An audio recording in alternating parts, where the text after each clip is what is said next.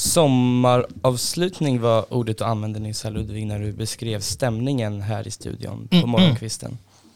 Ja, det känns ju som det. Man sitter här och bara ska eh, tänka tillbaka och gå igenom alla härliga minnen. För att sen springa ut i den härliga sommarvärmen. Köpa glass kanske i kiosken. Mm, halva priset. Det får man inte glömma. Mm. 21 avsnitt då, första säsongen. Är det 21? Ja just det, det här är nummer 22. Nummer 22, best Ja. of. 21, 21 personer har suttit i den här stolen till vänster om mig och öppnat upp sig kring allt och inget. Ja, det blir ju extra påtagligt när man väl sitter här också. Eh, Det är en sak att tänka tillbaka på det när man är hemma, hemma på kammaren liksom.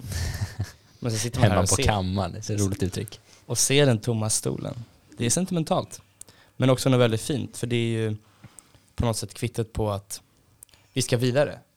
Det har varit jävligt kul eh, det här halvåret vi har, vi har kört med det här. Ehm, vad, vad har ni för, ehm, har ni några så här minnen som ni tänker på när ni tänker på de här 21 avsnitten? Ja, det är ju massa grejer. Alltså bara en sak var att kunna träffa alla de här människorna bara för att vi råkar driva en liten podd. Den tanken är ganska galen. Att det sitter liksom människor som man ser på tv eller har hört om eller tycker är bra eller som släpper musik och så kan vi bara liksom ställa, ja, vilken maträtt tycker du om liksom? Och bara kunna få ställa den typen av frågor. Det i sig är bara galet. Men sen som, jag kommer ju gå härifrån med en ny gadd som jag har fått av Niklas som han satt och ritade här i studion. Så den kommer ju vara liksom permanentad på, på benet tror jag det blir. Eh, så bara liksom en sån sak är ju bara jätteroligt att, att ha med sig. Skademinimering. Va? Nej, nej men, eh, och jag har alltid, jag har ju då varit den som fått gå och möta gästerna vid, vid tunnelbanan när man inte har hittat hit eller sådär. Och det är alltid lite påslag av fan nervositet då när man är på väg dit. Ja det är roligt, så sitter jag och Lud, Ludvig ibland och liksom kokar lite kaffe och sen så snackar vi om gästen lite innan och man säger vad har vi på den och så så ser man dig och gästen komma där borta i horisonten utanför fönstret så tänker man, åh fan han var ju lång, just Ja, det. Vi jämför allid längderna Ja mellan precis, dig och de gästen. flesta är ju ofta längre än mig. Ja, men det, det, av någon det, konstig det- anledning. ja, ja, vi, vi tar bara Ja, men en det, som när, när Adam Tensta var här och eh, han precis fick ett samtal när, när jag skulle möta upp honom. Så jag gick hela vägen liksom tyst bredvid Adam Tensta bara medan han pratade i telefon. Och det var också typ det största namnet vi hade haft upp Ja, till då ska man kunna eh, säga det liksom var liksom- kommersiellt.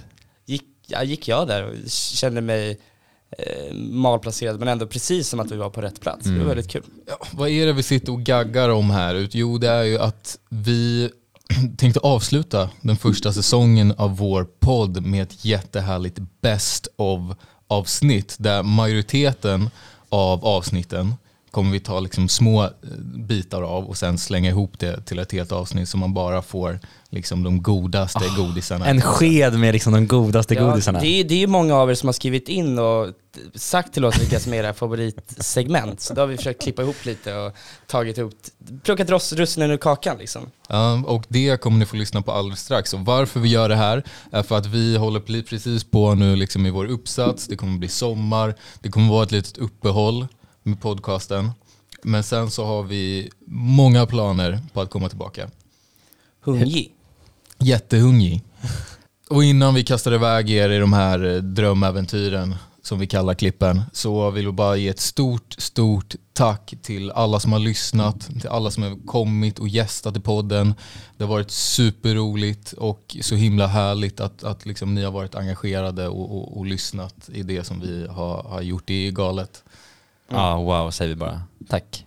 Och nu tycker jag, nu lyssnar vi på en potpurri av det bästa, det göttigaste, det härligaste, det högsta och lägsta från 21 avsnitt av Personen bakom.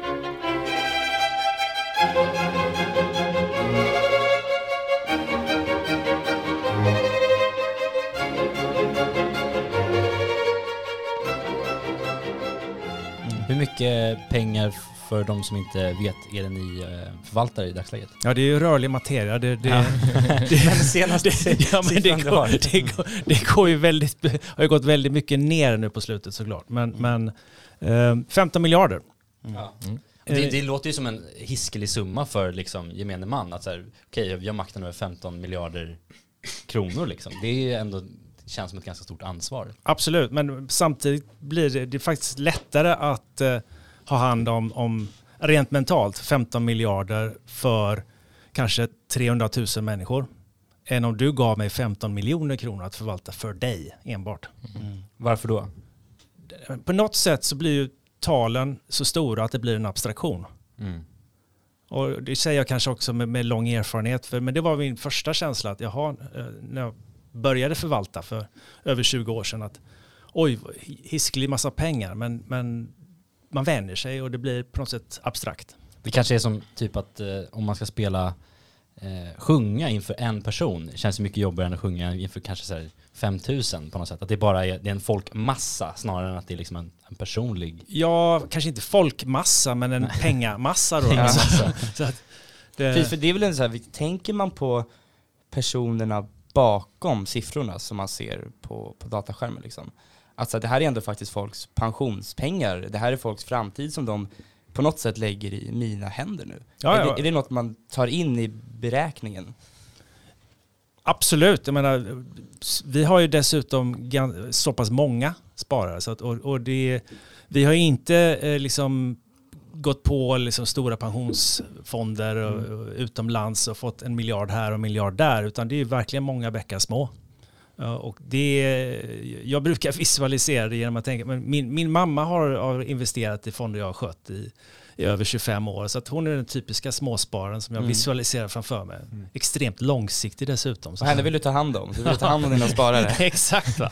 Ja, men det, och det är väl, det är väl någonting som, som även om, man, om, om jag har jobbat i större organisationer, har, har liksom tänkt på mig själv som någon slags ombudsman för, för andelsägarna. Mm. Att jag ska göra det som är bäst för dem. Det, menar, det är det enda, enda hållbara och, och etiska sättet att förhålla sig till det här. Mm.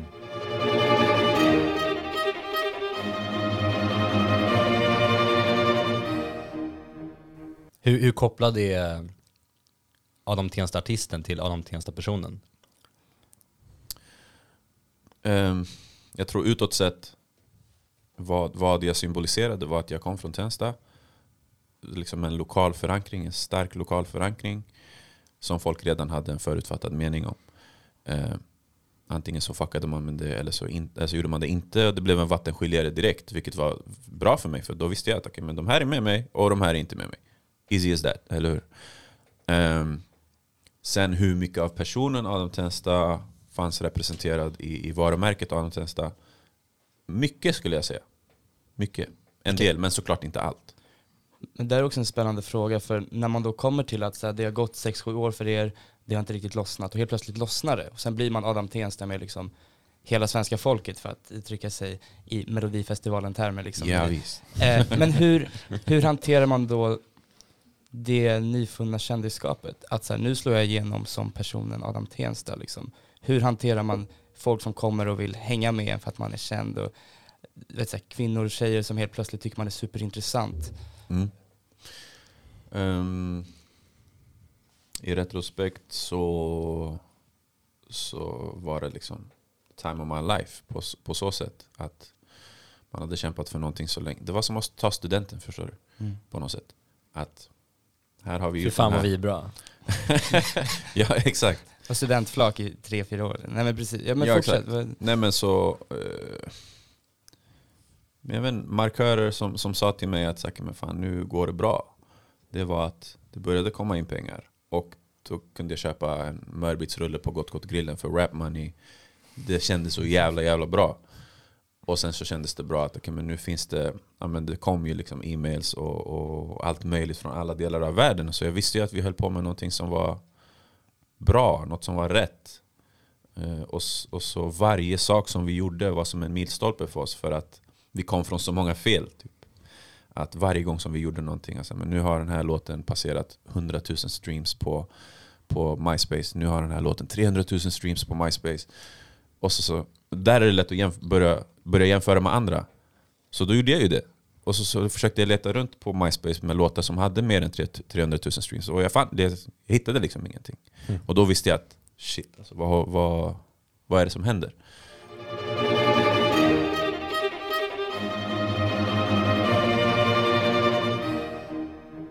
Men så du körde på de här kaféerna på Klippoteket Ja. och sen så var det väl så att det var en gallerist som fick, ja, Fick feeling. det fick feeling. Ja, den feelingen, det är en gullig liten historia faktiskt. Det vill vi höra. Ja, ni ska få höra den. Eh, jag, ställde, jag hade ju mina tavlor då hängande på en, eh, eh, en butik på Söder.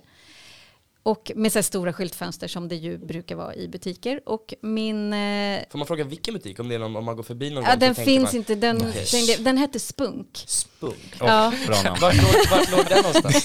Den låg på, åh gud, nu kommer inte jag heter det Bellmansgatan heter det, mittemot kyrkan där på Söder, Maria Ja, men om någon går kyrkan. förbi där någon gång så kan de tänka, gamla Spunk, där Mm, började Gamla Spunk. Lisas Ja, där, det, Ja. var, det var en ung tjej, Anna, som, som drev den så- och sålde kläder och smycken och lite grejer som så här, ja, men, små designers som inte var så etablerade ännu. Mm.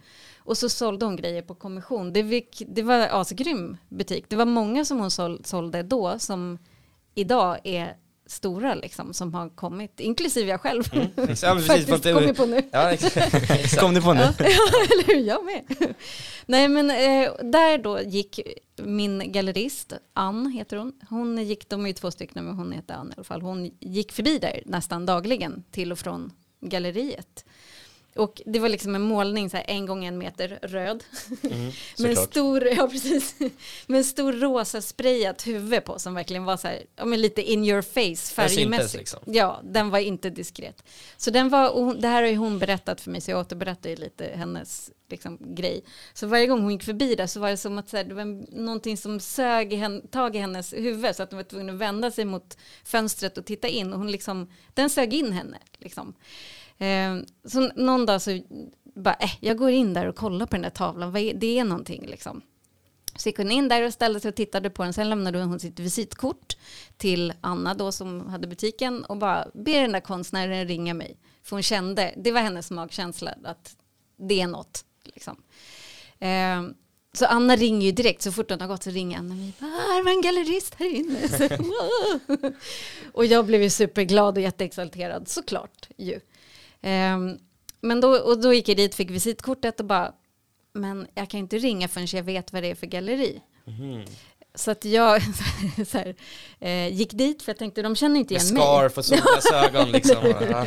Baklava. Ja. Ja, nej då, de känner inte igen mig. Så jag gick in på galleriet och det var så intressant för att så fort jag klev in i det rummet så bara kände jag i hela mitt så här, väsen, här ska jag ställa ut. Jag måste Var det någon som ställa sög dig Ja, istället då? Där, liksom. Ja, det var liksom rummet. Och sen så är Ann där inne och säger ja hej hej, så som de gör som gallerist. Och säg till om du vill ha någon hjälp eller du vet. Jag bara, ja ja visst, hej hej. och så gick jag. Ja. För jag tänkte jag ringer först och bokar tiden. Jag säger inte att det är jag, vilket kan vara lite konstigt så här i efterhand. Varför sa jag inte det på en gång? Ja, Men Det verkar som det funkar ändå. ja, det, Ja. ja. precis. Sen så fick jag ju vara med där och på, på en eh, samlingsutställning till en början. Eftersom jag var ju helt okänd och oetablerad och hon visste ju inte om andra skulle gilla, alltså om det skulle sälja liksom, eller så. Mm. Så jag fick vara med på en samlingsutställning. Då hade jag med, jag kom dit med två tavlor vill jag minnas först. Inklusive den här röda och rosa? nej, nej. Den, nej, det var två andra. Okej. Som, de var nog inte röda. Nej, okej. Ja, nej men ehm, och sen ringer hon mig typ några dagar senare och så här, du eh, har du några fler tavlor? Vi har sålt de här två och då var det så här, oh shit. Då kände jag nu hände något.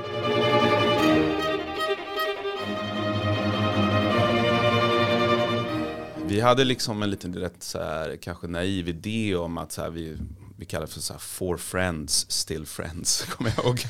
så här, vi skulle vara fyra kompisar som skulle göra det här. Och alla sa att det funkar inte. Ni kommer att bli ovänner, ni kommer dra åt olika håll.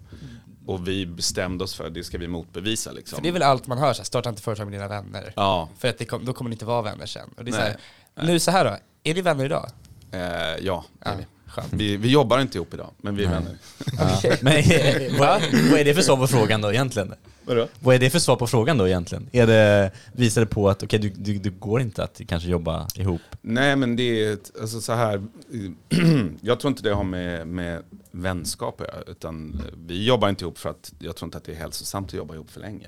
oavsett om det är vän eller inte vän. Liksom, utan, plus att vi, och det, det är ju, nu spolar vi fram historieberättandet här, men vi valde eh, precis innan pandemin att liksom, men nu, lägg, nu är vi fyra personer som, som jobbar i samma bolag och har gjort det länge. Låt oss sprida, vi har massor, under de här åren har vi haft tusentals andra idéer på att starta andra företag. Så vi har alltid sagt så här, Triva first.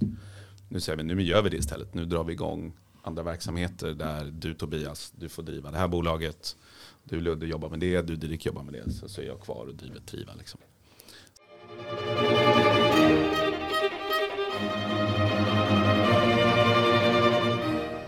Un- Men så att det är liksom, man, man tränar och tränar och tränar och sen så, så gör du dina presentationer av tio minuter av varje. Liksom. Eh, Men det, det som är under de där två månaderna, det är ju att man blir helt tokig.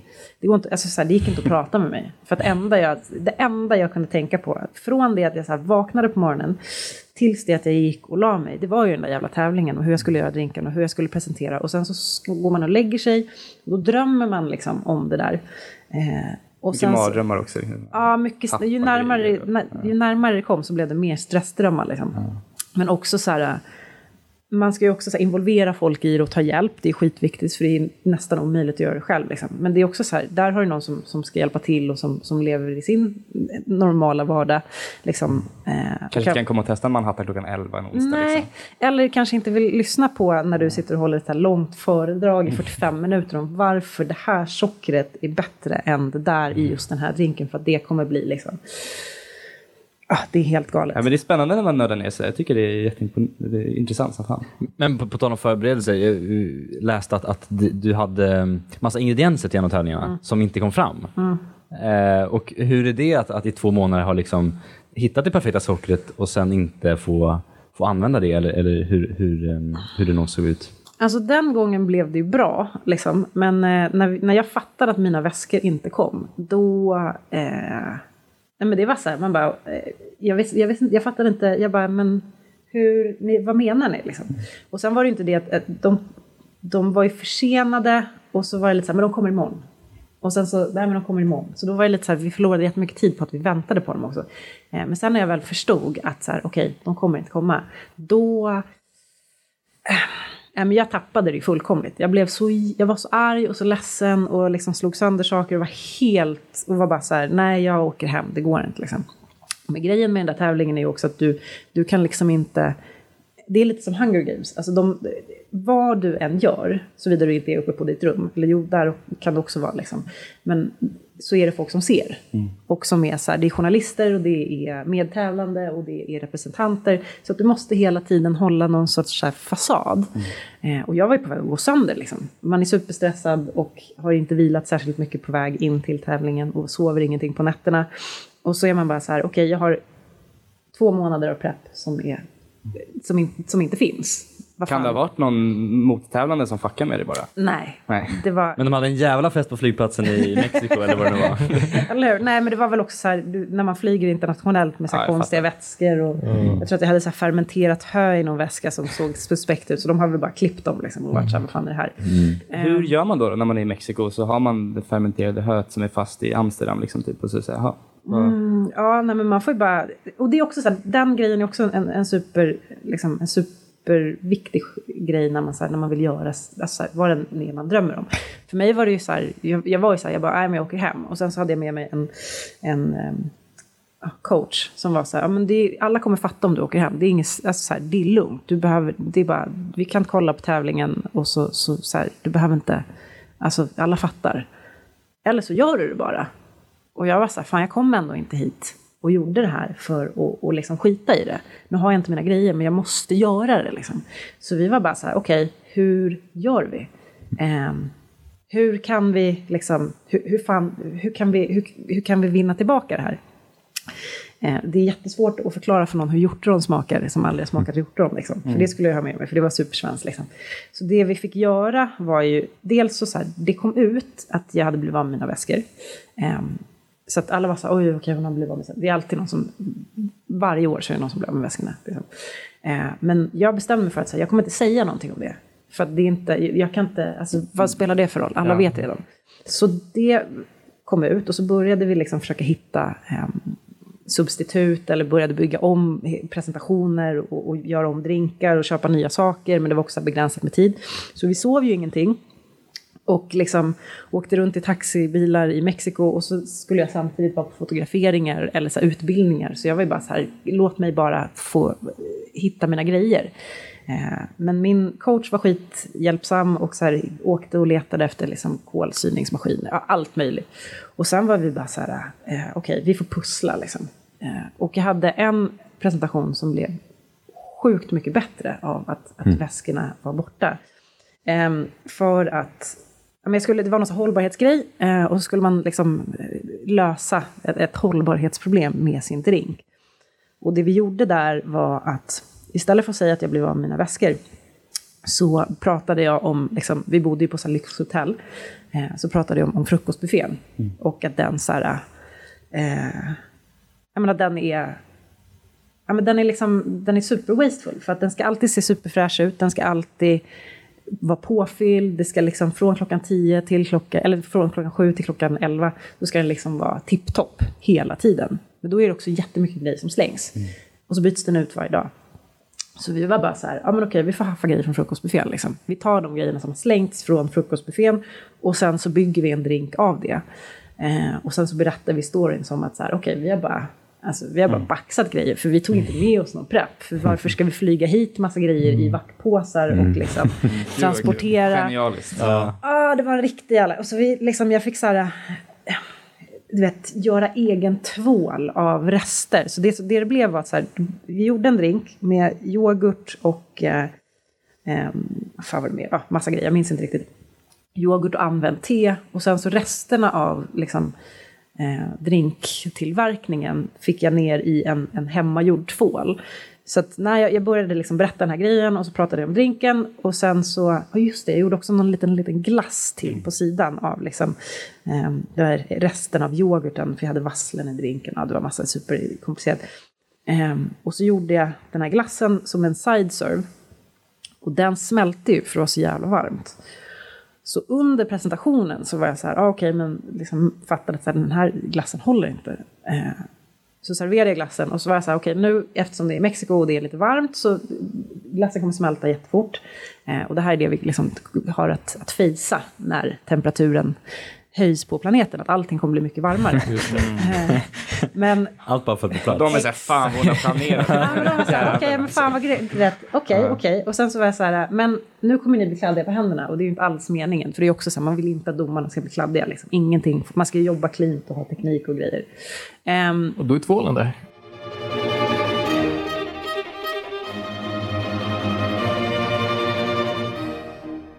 Vi har ehm, en liten, vi funderade innan på om vi skulle spicea upp det här avsnittet lite- lite. Vi testar något. Vi, vi, vi testar någonting. Vi har, ehm, är, du på, är du duktig på musikquiz? Oj, jag sa senast igår att jag är så jävla dålig på det. Mm. Eh, Vet du, vad, vet du vad som är tur då? För då sitter Nej. du här med två, andra stycken andra. två, de två sämsta musikquizarna i Sverige är skulle det det kunna vara. sant? Mäktigt. Vågar du utmana oss? Det är klart Får vi utmana varandra? Eh, Rasmus har förberett lite. Jag ska se. Wow. Jag tänker mig, vi ska inte konstla till det. En, en poäng för artist, en poäng för låt. Men är det något så här, man ska räcka upp handen, man ska, eller är det bara Nej men man säg sitt namn, säger inte det klassiken. Eller ska Jo. man, ja, okej. Ja. Okej. Eller Jo, vadå? okej. Du vill ha en jingel? Jag vill ha en jingel. Nej, Vad ska du ha för jingel? Valfritt djurljud. en Exakt. flygplansljud. Nej okej, men det blir jättebra. Eh, Eh, jag jag, kan inte, ja det här blir jättespännande. Känn ingen press nu för att Nej. du är professionell artist, att du ska kunna allt. Det är, Nej, alltså, om inte du vinner det här så är det besvikna kan vi säga. vi är bara lek med. Okej, är ni med? Vi är med. Första låten. Eh, Felicia, The Cure. Okej, Eh, ett poäng. Ludvig säger... Okej Ludvig. oh, fuck. Eller om jag får... Ja, det gör jag. Kör, det- Don't cry. Boys Förlåt. don't cry. Ja. Ja, men du är två poäng Fan, bra, snyggt. 1-1 då. Fuck. Nej, du sa inte Nej nej sa nej, det var Felicia Jaha, 2-0. du sa det? Ja. Jag sa det, men Alltså, du hade fått Ja, men det är- det är så att vi kan få ett djungelns varsitt regler. också. Nej, 2-0 till, till Oj, Felicia. okej. Okej. Den här är lite svår. Ja, tack. Ja, Än så länge. Långt intro. Ja, Jag har verkligen. valt en låt med fyra minuter intro. Ja, exakt.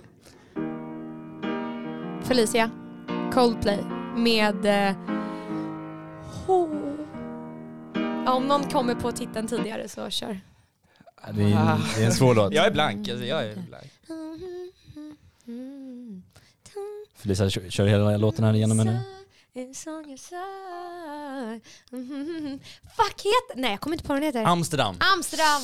Från, eh, Ah, så men det är- nära, ja. så nära. Ja, det hade den tunga. men den, jag tänkte den, den är, det är för det blir Coldplay inte svårare. det, var inte, Ja. det var inte U2 alltså. Det, Nej.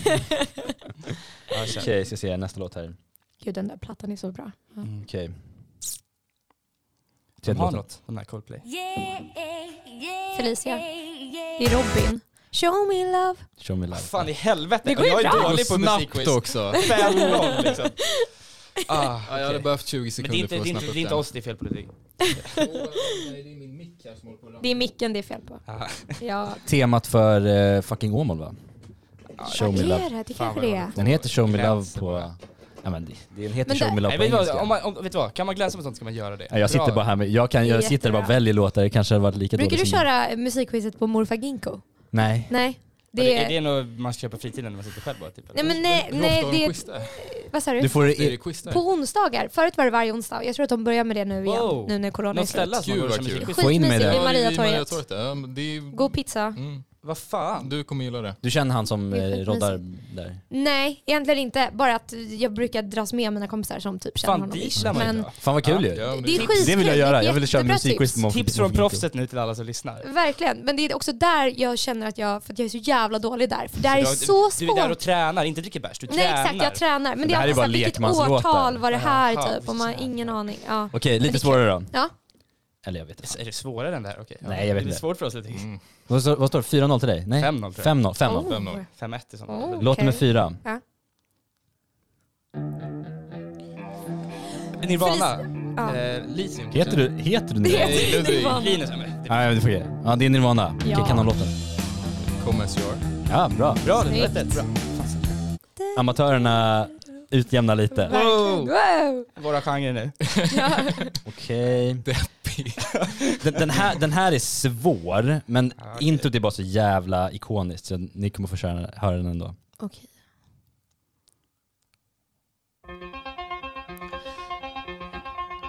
Oh, fuck. Ja, det är som väckarklockan, det sätter igång något i Ja, kroppen. vad fan, när du säger vad det är så kommer man ju dö. Alltså det, är- det är bland det mest ikoniska introt jag kan. Det är det här, vem fan Var vad kommer den ifrån? personen? Det är väl någon Är eh, film eller något? Ja, jag tror det. Det är också... Oh, det är också som one hit wonder typ. Alltså att den... Eller? Den kanske har många hits. Nej, nu säger att du säger det så här. The Who. Ja, aha, är det The Who? Oj, då, oj, det var elakt. Det var elakt. One one- The Who är one hit wonder. One hit wonder. Ja. Ehm, Okej, ah, hur, många, hur många låtar Om de det här Kanske typ satte den så får de en, ganska kul, en det här är kul. eloge. Men någon mer chans måste vi få. Ja, ja, verkligen. Eh, Okej, den här ska vi se. Um, Okej, låt nummer sex tror jag.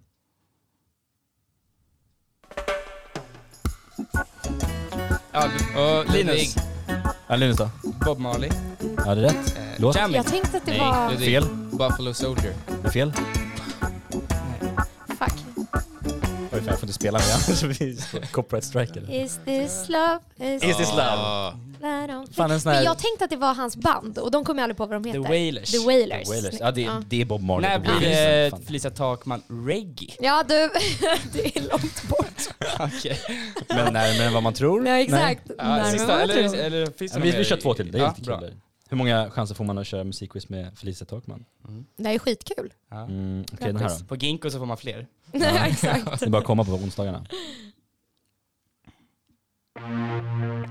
Felicia. Nej, eh, I didn't remember. Nej, the killers. Are we human? Humans.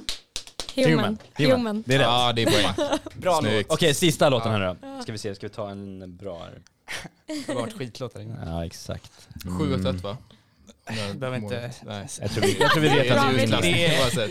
Jag har Nu bara är det- Linus här. Vågar du köra liksom all in or nothing för sista nu? Nej, Okej. Nej du vinner den här stenhårt. Vi kör sista nu, kul. Okej, nu kör vi. Ja, eh, Linus. Oh, Everywhere med Fleetwood Mac. yeah. Din, ding, ding, Var det den som tog sista som vann? din, din, din, din, din. Precis. Bra. Sista målet vinner. Ja, Du får en guldstjärna Linus, snyggt. Ja. Fan vad kul. Du var ju duktig ändå. Du Ja, har tack. spenderat många onsdagar på Ginkgo.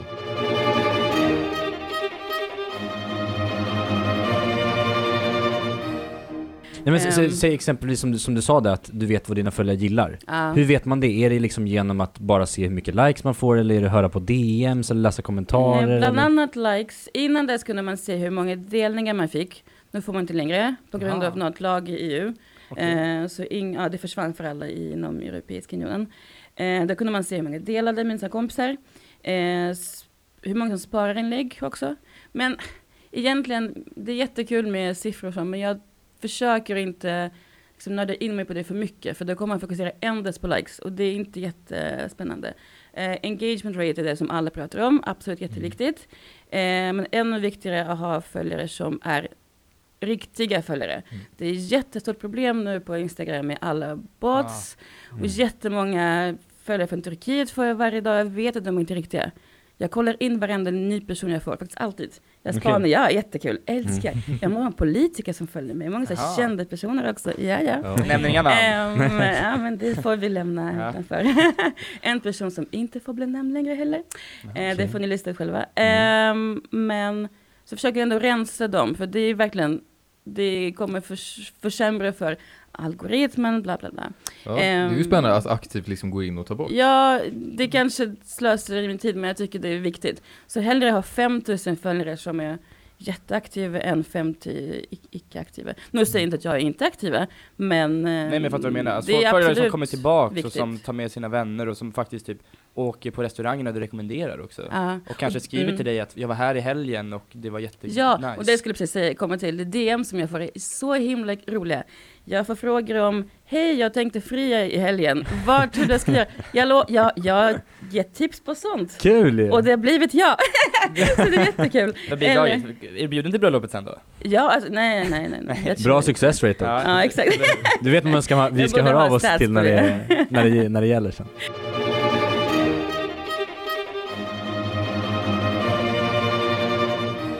Var, var går gränsen mellan liksom någonting udda och någonting liksom genialiskt? För udda är Det finns inte... ingen gräns mellan Nej. de två entiteterna. Nej, Udda och genialiskt är väl liksom... det är det. De, de är ihoplimmade. Ja. ja, det är väldigt spännande för att det, det är både där det kan uppstå eh, liksom någonting nytt som man aldrig har sett förut eller hört förut. Ehm, men jag, jag vet inte, känner ni att det är så här, det är, det är spännande att så här, göra någonting udda och göra någonting alltså det, som är i mallen. Alltså, Jag Det är alltid det svåra. det har ändrats jättemycket för mig. För i början hade jag en övertro på det udda och på liksom det som kanske skulle klassas som konstfilm eller liksom undliga uttryck och sådär. Men ju mer jag hållit på så känner jag att där hittar man oftast inte energi. För det blir också någon någon sorts safe zone. Om det är bara konstigt så tittar man på För att man det. okej du gör så här, då vill jag göra precis tvärtom och sen är det coolt. Och så här, Ja, och det är, liksom? inte så udda med film överhuvudtaget. Så vad du än hittar på så kommer du aldrig få någon att liksom hoppa upp i taket och, och um, begå självmord i luften. Liksom Mm. ingenting... Så konstigt är det inte till att börja med. Så på något sätt måste du laborera med formen också. Med förväntningar. Och, men du måste också hooka samtidigt. För att, det, för att det ska upplevas som udda. Jag gjorde en massa obegripliga filmer i början. Som jag tycker, de är bara tråkiga helt enkelt. Vad var skillnaden på tänket där då? Alltså, finns de att kolla på för det första? Jag tror det. Jag gjorde en film som heter Le Kurde. Eh, fick lite pengar och drog till Paris med ett gäng polare och skulle spela in en film om en kurd som jobbade på en reklambyrå och blev besatt av en, eh, ett djur på ett zoo. Och så, så fan, var tanken att det skulle vara någon sorts parallell historia kring hans eh, utanförskap och med det här djuret. Och, äh, det blev bara en enda gröt. Men jag upplevde inte det då. För jag, Man var inne i det liksom? eller? ja, jag kunde inte titta på saker utifrån. Mm. Kunde du märka på dem runt omkring dig att de började se det eller var det att du i efterhand nu har märkt att du kanske inte var där helt? Jag vet inte, nej jag märkte ingenting då. Jag tyckte det var det bästa som hade gjorts faktiskt Mm. då. Mm. Men sen har jag märkt att det, det där är ingenting som, när man googlar på best films ever, då kommer ju den Den kommer inte upp. ganska sent på Ja. den listan.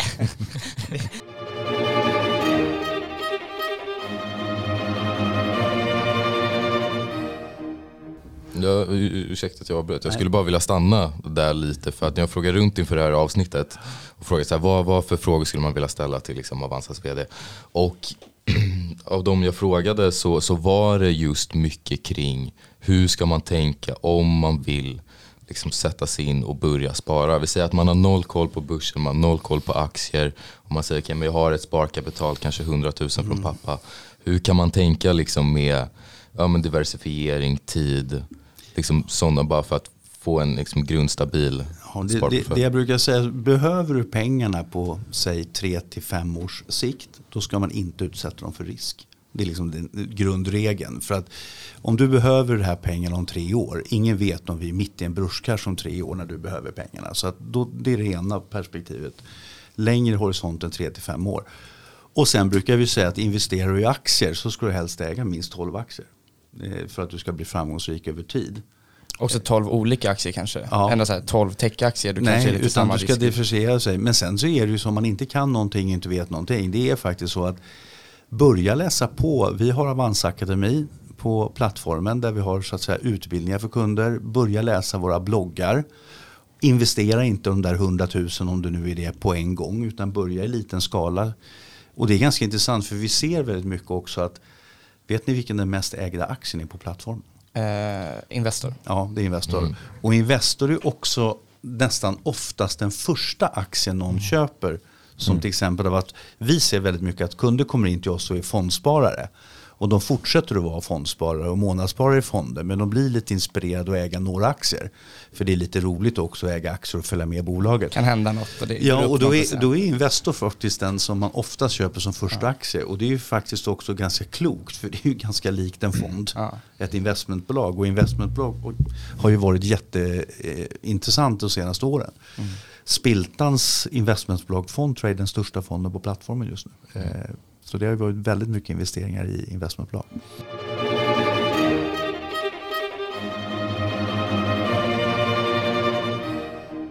Ehm, det går att förändra ehm, våra, liksom, vår rovdrift av naturresurser och sådär. Det går att förändra det. Ehm, så att vi inte om 80 år eh, har ett New York under, under havsytan och stenöknar i stora delar av världen och liksom, eh, flera liksom, miljarder människor på, i rörelse och på flykt. Men filmen The Road, jag vet inte om ni har sett den?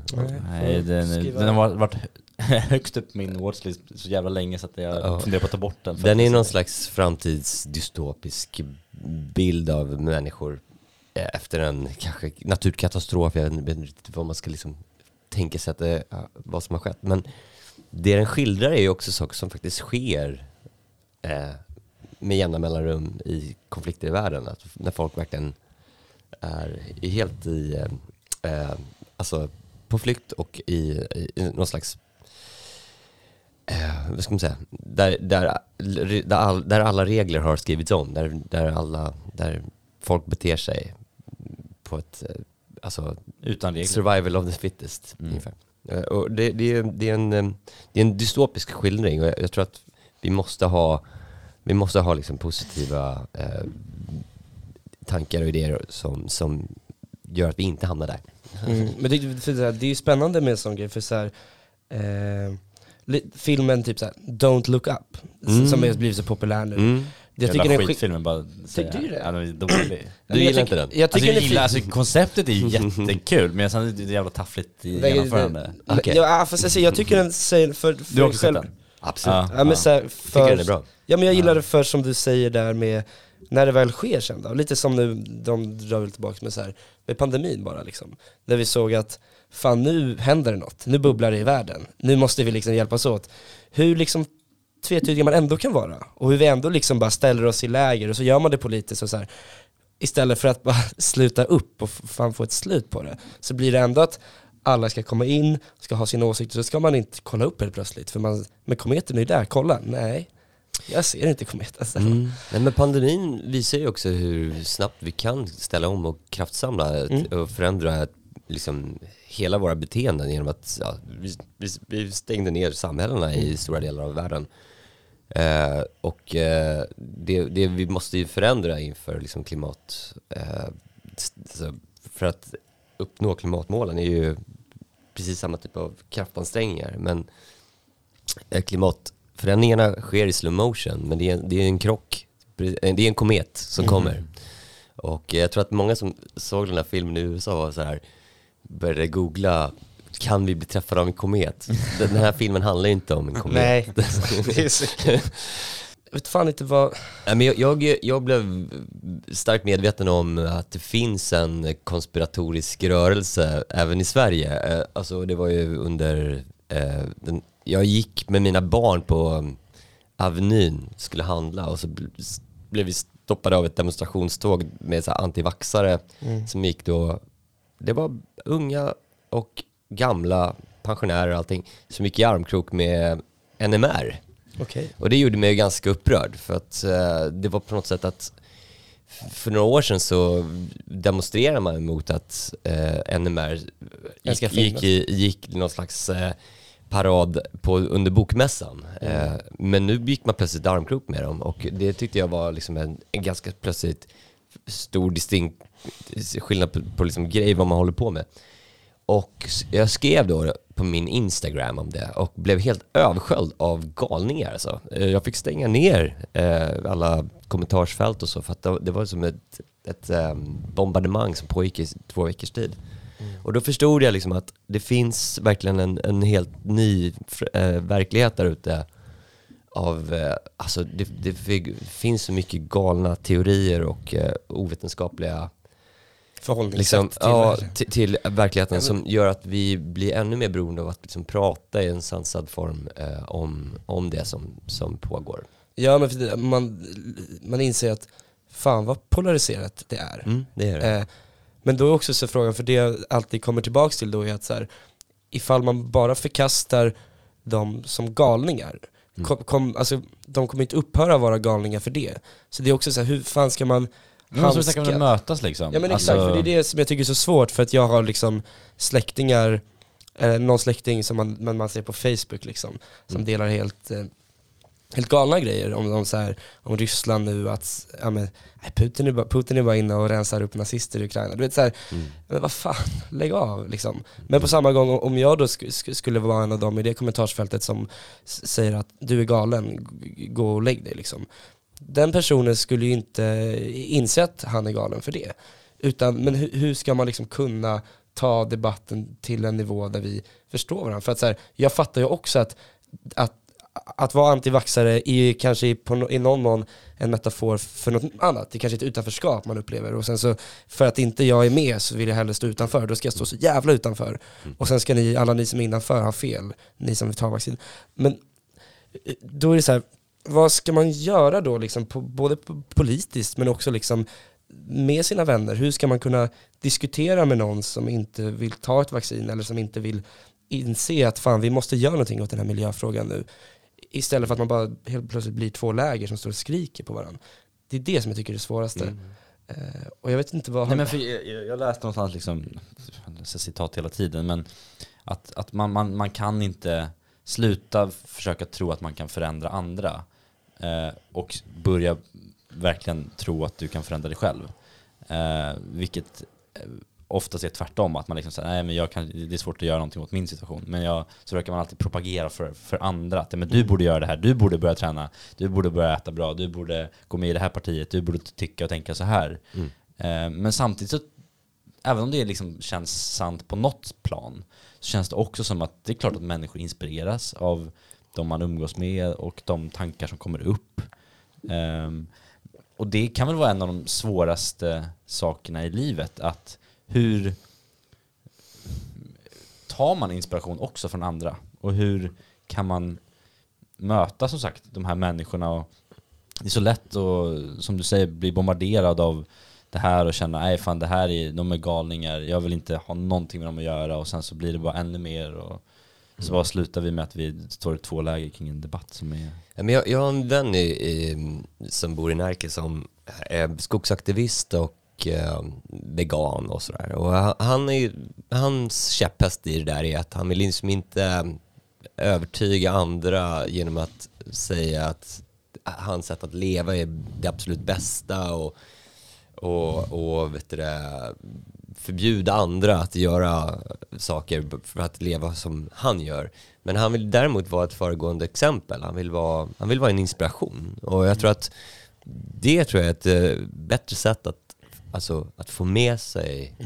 Eh, om, man, om man känner att man har liksom en, en bra, en bra tydlig eh, politisk genomtänkt förhållningssätt till någonting så tror jag också att man inte är populistisk. Man är, man är ganska trygg i den, eh, Mm. i den eh, i den åsikten eller tanken. Och eh, jag tror att det visar ju också att vax, antivaxrörelsen är ju ganska osäker på sin, sin, sin förhållningssätt. För de är ju väldigt högljudda och, och Mm. smäller andra på fingrarna och sådär. Och jag tror att det, det tonläget är, är helt hopplöst. Och, och jag tror också att det är destruktivt. Så att jag, jag, jag tror på hans, min kompis idé att påverka genom på något sätt, ett, att, genom att influera.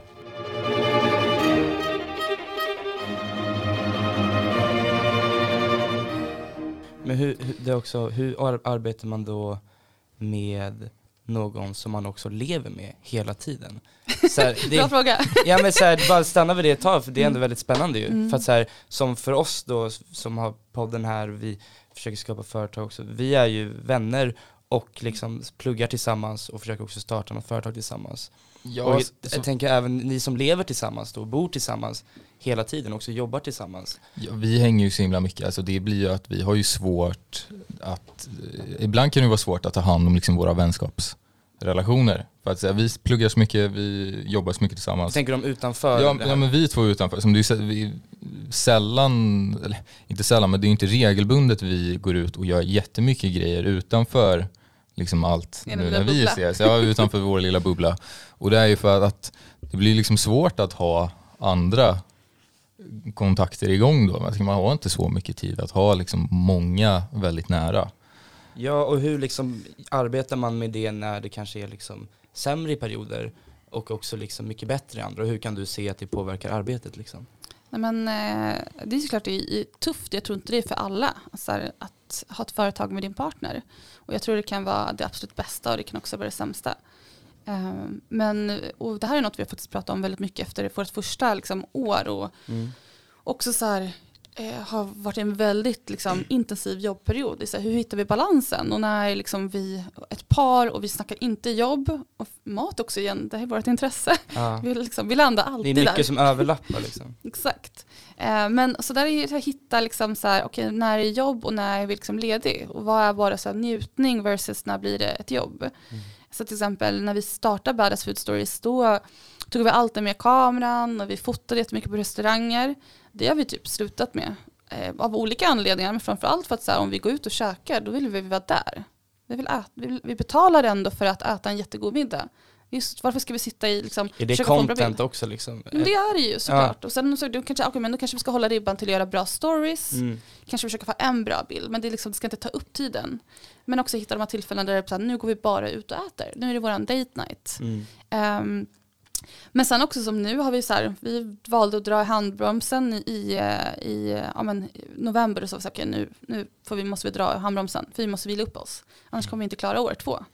Eh, och vi måste också hinna, hinna reflektera och hinna liksom, hitta tillbaks till varandra. Inte för att vi har tappat bort varandra, men bara liksom vara närvarande som inte handlar om att så här, den här kunden, det här projektet och du vet, eh, springa Nej, på nästa boll. Eh, och det tror jag är viktigt. Men jag tror det är också så här, vi vågar göra det tror jag också för att vi inte är, alltså vi är ändå väldigt mogna och liksom vi vet vart vi är och vi vet var vi har varandra.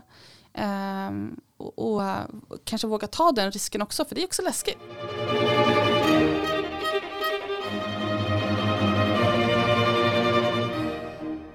För, något som jag är väldigt intresserad av är att det är också väldigt enkelt på ett sätt att höra om folks framgångshistorier och höra om när det går bra för dem eller du säger du överlever hela tiden, du ska göra det bästa du kan. Och, men vad gör du och vad har du för strategier när det inte alltid går så bra? Och när det finns perioder av att fuck nu är det det här, jag kommer inte klara det här. Jag kommer bli av med jobbet eller jag, fan det är finansiärer som är på mig. Vad gör du för att koppla av och för att känna att okej okay, nu backar vi, tar ett steg och ser det här är inte så illa egentligen. För, för det är det jag jobbar med mest egentligen och därför är det så intressant att höra vad har andra för strategier för att liksom faktiskt kunna överleva? Mm. Bra frågor ni har här tycker jag. Uh, nej men jag, um, jag har en, en, uh, en väldigt eh, bra fru faktiskt. Så att jag, jag, jag talar väldigt mycket med henne om sådana här frågor. Och det är viktigt därför att då har man liksom ett, ett, ett bollplank. Och liksom, jag tror faktiskt inte att jag hade fixat eh, det utan eh, den typen av relation som jag har med henne. Um, för det, det händer ju jätteofta just det där som du säger. Och jag kan inte koppla av det överhuvudtaget. Det är mitt stora problem. Utan jag, jag, jag är liksom bara inne på olika typer av lösningar och liksom försöker formulera Eh, och tänka efter. Och liksom, om jag gör så här och liksom gör olika typer av scenarier. Jag blir liksom helt överhettad eh, av det. Och det påverkar mig jättemycket faktiskt. Och jag har ingen alls eh, annan strategi än att bara nöta på tankemässigt och eh, eh, lösningsmässigt. Eh, och att sen tala då med henne faktiskt eh, om det. Så det, det är mitt stora tips är att försöka ha någon person som man kan eh, liksom dryfta den här typen av frågor. Det är väldigt svårt om man är liksom i kniviga eh, just yrkesmässiga situationer tycker jag. Att, eh, det är svårt att göra det internt också då därför att det är inte säkert att den som man, ja, liksom, som man annars talar med kanske är inblandad i detta på något sätt. Eller så. Mm. så att någon som är lite utanför och eh, det är det för man har, pratar om att man ska ha mentorer och liksom sånt där. Så det tycker jag är bra. Mm. Ja, det är jättespännande för det känns som att nu har vi ändå spelat in några avsnitt och vi har på ett eller annat sätt försökt ställa den frågan till flera som suttit i stolen där du sitter.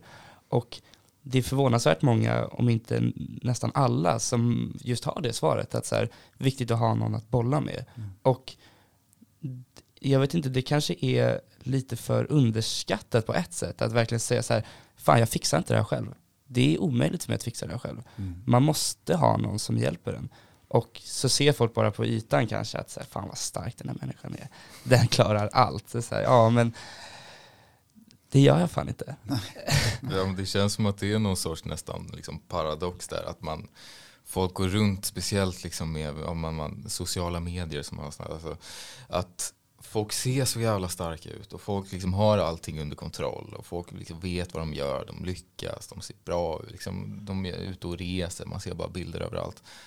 Medan folk lägger inte upp liksom, när folk är låga. Nej. Där man är lite mer melankolisk, när man är såhär, nej men nu behöver jag hjälp. Eller mm. att, att, nej jag har varit liksom deprimerad i några år. Mm. Och liksom man, man ser så lite av den baksidan. Jag tror att det gör att man känner sig så ensam många gånger i, i Mm. Och om man gör det, eller de som gör det då i sociala medier, då blir det nästan så att det blir ett poserande i sig. Liksom. Så det, blir, så det finns liksom ingen, ledsen, liksom. ingen det, det, är ett, det är ganska asocialt medium. Liksom. Ja.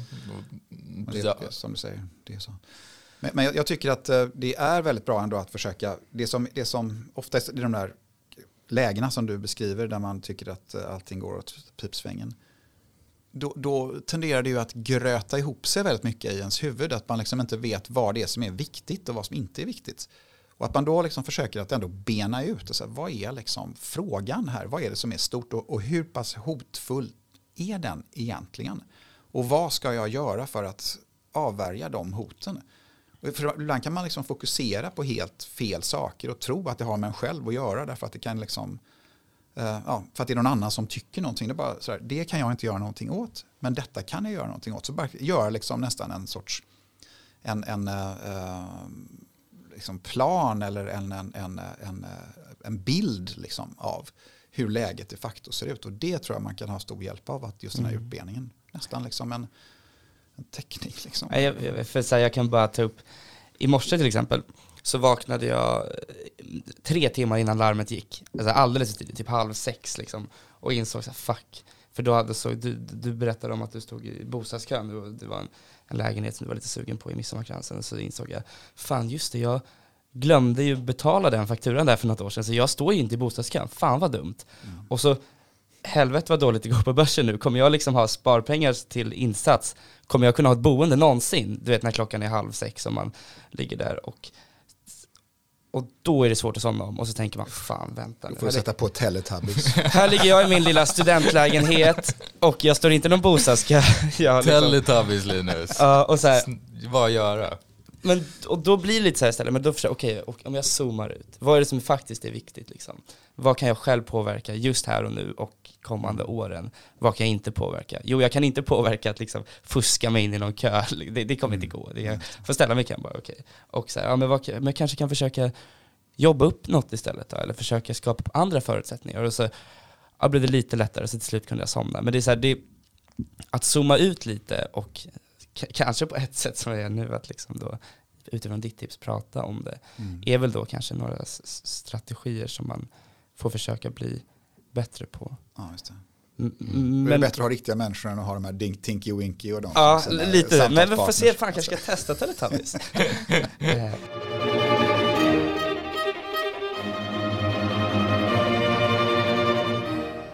Om vi bara stannar vid en annan liten, eller liten och liten, men innan du kom hit så hade du varit på ett CA-möte. Ja, precis. Ja. Vad, kan du berätta lite, vad betyder det för dig att gå på dem och att ha den? Ja, men det är, det är ett tolvstegsprogram. Eh, Jag kom in i det, jag har varit nykter i sju och ett halvt år.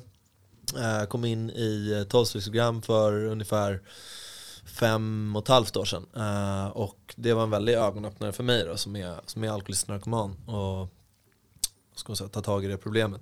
Eh, Och eh, idag, jag går på möten ett par gånger i veckan.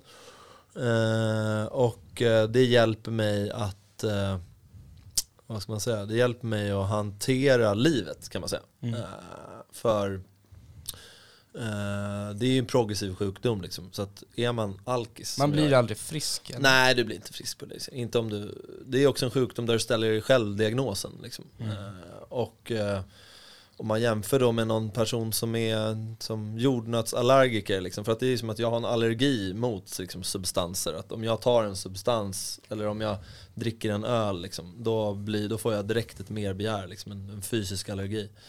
Eh, dricker jag en till, ja då ökar den. Och dricker jag en till, ja då ökar den. Medan kanske en person som inte har den här sjukdomen kan dricka en öl, dricker två öl, dricker tre öl och har blir, blir helt plötsligt mindre sugen. Ja men bra, nu kliver jag av.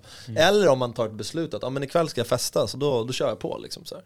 Jag har aldrig det där valet. Har det alltid varit så? Ja, från, för mig är det så. Första, gång- från första gången jag krökade så, har jag, så satt det där.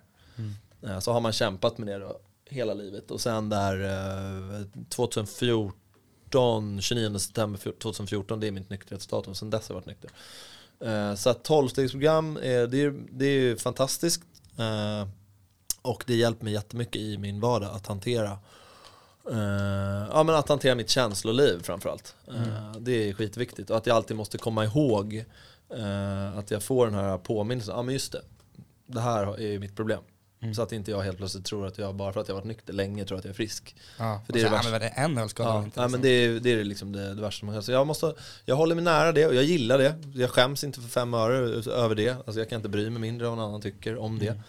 Eh, och det är fantastiskt. Eh, och det kan alltid hjälpa någon annan om man pratar om en sån sak. Liksom. Eh, liksom så här.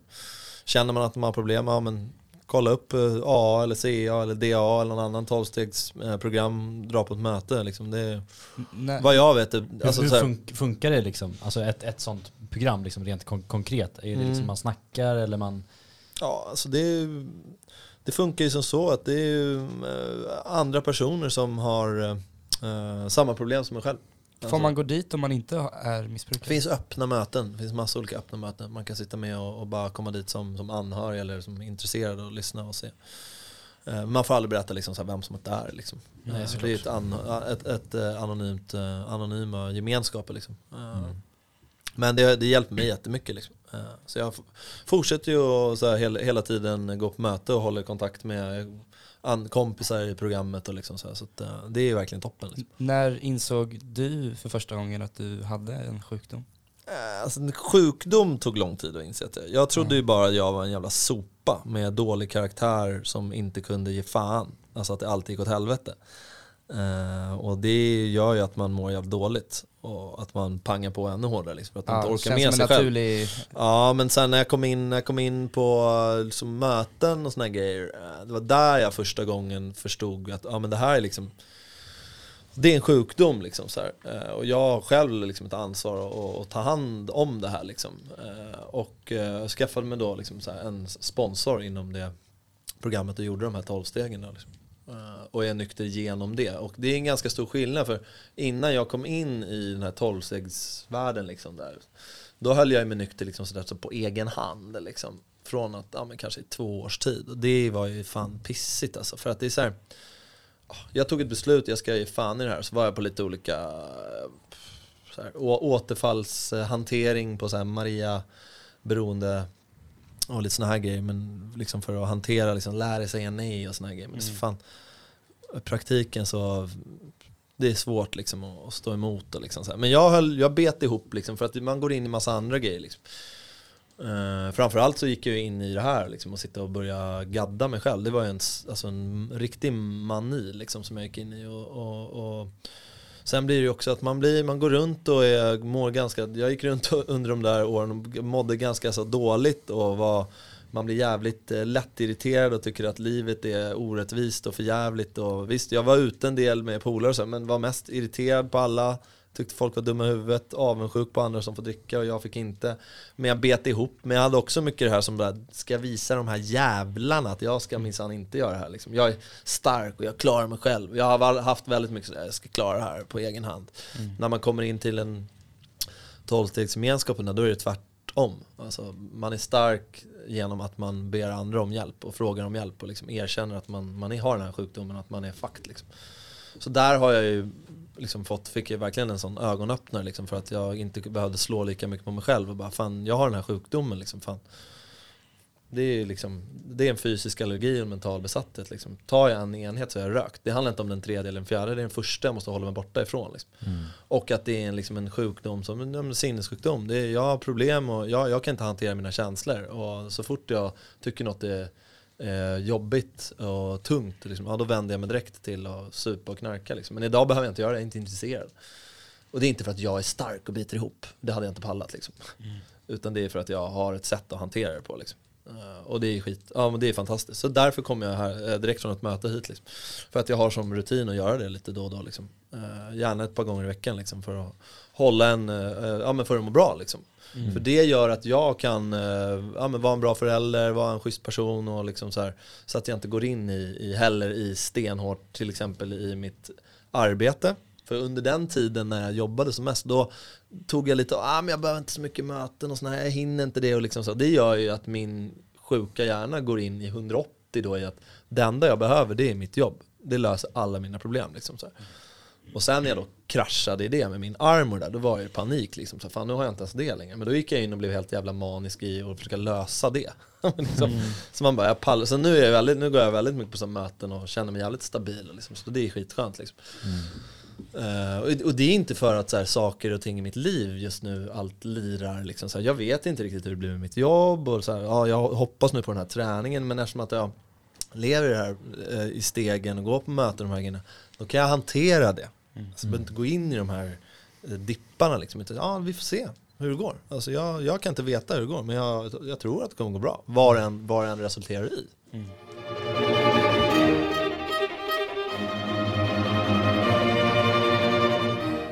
Jag hade bara en, en sista, som du säger, du har, liksom, har många st- strängar på din lyra och alla de här olika projekten, är de liksom en del av, av något större mål eller har det mest varit eh, liksom kreativa utlopp? Så om man tar liksom en steg, ett steg tillbaka, vad är liksom drivkraften Pengar. bakom? Pengar. Jättebra svar. Där har vi det. Rakt Avslutar vi där. Nej men faktiskt, jag kan tycka så här ibland att det, liksom, oavsett vad du gör, det är lätt att höja upp kreativa jobb till något, till något som är speciellt. Men eh, jag tycker inte det. Jag tycker att eh, vi måste alla jobba och eh, bidra till samhället. Och nu gör jag det på det här sättet. Och fakturerar när jag DJar, fakturerar när jag har butik, fakturerar mina jobb. Så egentligen så är inte det, utan jag tror liksom att kanske de som lyssnar på det här och ni, att man att, att man kan göra ganska mycket roliga kreativa saker oavsett vilken bransch man än är i. Men eh, till syvende och sist är det väl ett jobb eh, vi utför allt annat. Och det är därför som jag faktiskt säger att, eh, fritids, att det är fritidsintresset butiken är det. Därför att jag tar ju inte ut någon lön ifrån det. Men det är fortfarande en fungerande verksamhet. Ja, men det ska vi ha med oss. Hitta roliga sätt att tjäna pengar på helt enkelt. Ja, exakt. Det är väl det bästa. Och bidra. Ja, det bidrar. Tack så Gör det mycket. med skatt. Ja, exakt. Skatt är sexigt. Det är fan sant. Det är det sant. Det är bra, det är ett bra slagord. Jättebra.